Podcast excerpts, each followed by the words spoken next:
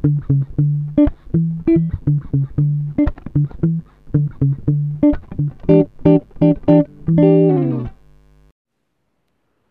kolaborator, selamat datang di podcast Point of Collaborate. Di sini kita bakal bahas berbagai macam bahasan, mulai dari hal santai sampai hal serius. Ngobrol berbagai macam topik terkait mahasiswa, organisasi, bisnis, isu sosial dan lingkungan, dan juga politik. Let's talk and collaborate.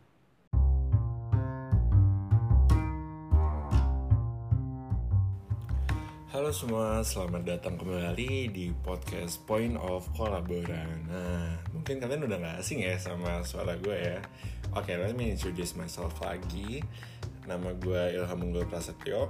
Gue di sini yang akan menemani kalian selama uh, episode ini gitu. Oke, um, gue akhir-akhir ini uh, lagi banyak banget dapat request mengenai salah satu buku buat di review gitu karena ada beberapa teman gue yang emang lagi nyari dan pengen beli juga gitu cuma masih belum tahu gitu isinya gimana. Dan kebetulan gue udah punya bukunya nih. Nah um, bukunya itu authornya itu si Malcolm, Malcolm Gladwell. Mungkin kalian udah nggak asing ya itu kayak sering banget di toko-toko buku gitu kan. Udah cukup banyak lah. Si Malcolm ini ngeluarin buku-buku yang menurut gue kualitinya itu gokil-gokil banget gitu Nah, buku yang bakal gue review kali ini judulnya The Tipping Point. Itu. Nah, kira-kira temen-temen di sini kayak apa ya? Kepo nggak sih sebenarnya The Tipping Point itu buku tentang apa, ceritain tentang apa dan bagaimana gitu kan?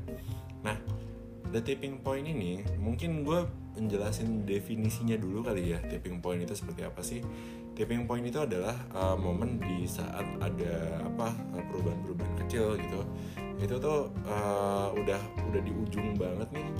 Itu bisa memberikan dampak yang uh, besar gitu. Ada atau mungkin perubahan yang besar gitu. Nah bisa dibilang tipping point ini tuh um, di, apa ya nyeritain nih buku nih kayak nyeritain gimana caranya ide itu bisa tersebar gitu. Ide itu bisa tersebar seperti apa ya epidemik kali ya. Nah dari situ uh, ada beberapa elemen nih. There are few elements yang kita benar-benar butuhin dan di saat mereka udah jadi nyatu tuh mereka uh, bakal bikin suatu ide itu uh, apa ya menyebarnya secara viral gitu. Dan mungkin dari viral efeknya ini bisa unstoppable gitu. Penyebaran suatu informasinya ini gitu. Nah si Malcolm Gladwell ini dia menganalisa tren nih. Dia kayak wah ngecek ngecek ini. Kira-kira untuk uh, apa namanya suatu informasi itu tersebar luas untuk menjadi viral itu kayak gimana sih? Gitu kan. Nah di situ tuh dia uh, menganalisa trennya ini yang membuat suatu produk atau suatu kebiasaan itu jadi booming gitu mungkin kalian sering lihat kan kayak di kalau misalkan kalian masih kurang paham ada di Twitter kadang ada trending topics dan lain sebagainya atau mungkin uh, di TikTok ada ada dance yang lagi lagi sering dipakai sama orang-orang gitu. Nah itu bisa di, uh, bisa tergolong sebagai tren gitu ya. Nah uh, menurut si Malcolm nih uh, tren itu uh, ada tiga nih. Eh tapi sebelumnya gue mau ngasih tahu salah satu bentuk apa ya penyebaran informasi yang viral yang menurut gue keren. Itu kalau misalkan kalian cari di YouTube itu ada uh, seingat gue fake Justin Bieber atau apa gitu yang uh, mereka makan burritos itu dari samping. Si eh si Justin ini makan burritos dari samping dan itu menurut gue keren banget strateginya mereka sistemnya mereka gitu. Oke gue kita kita balik lagi ke buku The Tipping Point ini. Nah menurut Malcolm ini ada tiga prinsip utama nih teman-teman untuk menyebarkan suatu ide. Nah yang pertama ada the law of view the law of the view sorry. Uh, kedua ada stickiness factor sama yang ketiga ada power of context. Nah jadi yang pertama nih the law of the view. Ini ini adalah salah satu topik yang benar-benar menarik perhatian gue ya di buku ini gitu. Karena ada beberapa hal yang uh, gue tuh kayak baru ngah gitu. Oh iya juga. Nah di uh, The Law of the View itu si Malcolm ini mengidentifikasi tiga tipe orang untuk membuat sesuatu menjadi viral. Yaitu ada the connectors, ada the mavens, ada the salesman. Nah, the connectors itu orang-orang yang uh, gini deh, kalian punya nggak sih temen yang kira-kira tuh super banget, temennya banyak banget dan apa ya, uh, dia itu uh, gampang aja gitu karena kenalannya banyak nih dia tuh kalau misalkan dia ngomong apa semua orang tuh bisa denger gitu. Kayak seakan-akan penyebaran idenya itu simple banget karena dia kenalannya banyak uh, ya ya bisa dibilang uh, the word of mouth lah ya uh, apa sih sebutan oh dari mulut ke mulut gitu itu tuh sangat mudah di saat uh, kita punya stakeholder seperti the connectors ini gitu lalu di sini kita juga ada the mavens. The mavens ini orang-orang yang sangat memahami cara untuk memicu suatu tren. Nah, contohnya seperti apa sih? Kalian juga pasti punya temen nih, entah di kepanitiaan, organisasi, atau mungkin temen sebaya kalian, orang tua orang tua kalian bahkan mungkin uh, orang-orang yang kayak, oh orang tuh kalau buka IG tuh jam segini loh, sama jam segini hari ini. Eh nah dari situ uh, eh, gue pengen ngepostnya itu nanti jam segini harinya gini ini dan lain sebagainya bla bla bla bla. Itu adalah contoh-contoh orang-orang the mavens gitu. Tergolong lah tergolong the mavens ini. Lalu di sini ada poin ketiga yaitu the salesman the salesman ini itu orang-orang yang punya pengalaman dan passion dalam menjual suatu produk atau ide yang kira-kira bisa mempengaruhi orang juga gitu untuk punya ketertarikan sama ide tersebut atau produk tersebut gitu. Nah, misalkan ya kalian pasti tahu lah salesman itu yang kayak gimana sih yang uh, let's say kayak kadang kalau di mall tuh ada yang kayaknya uh, bagi-bagi brosur itu kalau nggak salah sebutannya sales juga gitu kan atau mungkin uh, let's say apa ya orang-orang yang punya power dalam inilah mempengaruhi orang lain gitu Lalu di berikutnya nih ada nih prinsip kedua nih. Prinsip kedua nih namanya stickiness factor. Nah, di stickiness factor ini uh, jadi gini, buat bikin suatu informasi itu bisa menjadi lebih viral gitu, uh, kita harus bikin informasinya ini dalam bentuk pesan yang mudah diingat gitu. Tujuannya apa sih sebenarnya dibuat mudah diingat? Itu adalah supaya informasi ini tuh melekat dalam pikiran seseorang dan menggerakkan orang untuk bertindak gitu. Let's say uh, kita ambil contoh deh. Ini sebenarnya uh, salah satu topik yang sensitif ya kalau misalnya gue angkat di sini cuma nggak apa-apa.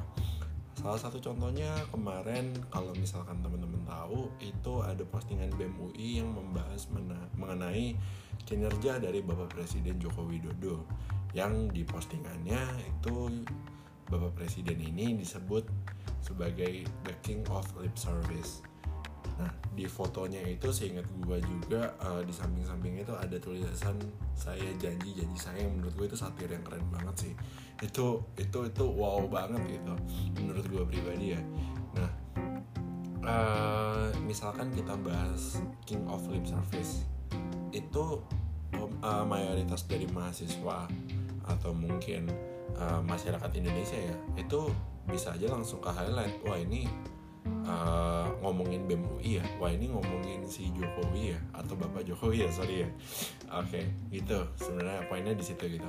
Kayak kita baru sentil dikit mengenai King of Lip Service orang langsung mindsetnya ke sana gitu. Dan mungkin uh, dari situ orang-orang bergerak untuk bertindak gitu. Makanya postingan di Twitter mengenai King of Lip Service atau bambu itu langsung jadi wah hype banget ya kemarin-kemarin itu gitu.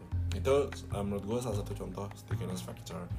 Atau mungkin uh, bisa dibilang stickiness factor ini masuk ke apa ya ada teori yang menjelaskan uh, namanya itu teori top of mind gitu. Misalkan kayak uh, kita ditanya nih mengenai soda soda apa yang uh, apa namanya uh, pertama langsung nongol di otak kalian gitu.